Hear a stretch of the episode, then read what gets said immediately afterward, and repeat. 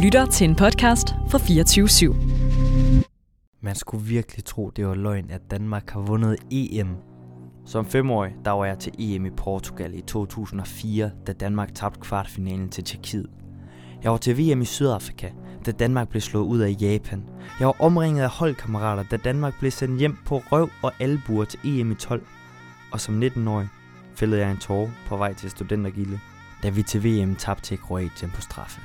Landsholdsfodbold har betydet så meget for mig i mit liv og kan få mit hjerte til at banke, som næsten ingen andre ting kan.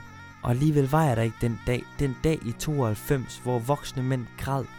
Jeg vil give min højre arm for at have været der den dag og have stået med en fadøl i hånden og råbt og skrædet med mine venner. Hele mit liv er jeg blevet fortalt om den dag, men jeg har på intet tidspunkt følt, at jeg var der. Derfor har jeg valgt at udskifte alle trænerne, spillerne, politikernes navne og datoerne fra sommeren 1992 med tilsvarende til i dag.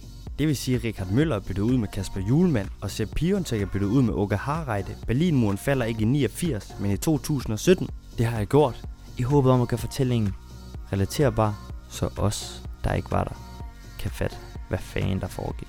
Så her får du fortællingen om triumfen i EM 92, fortalt som var det EM 2021.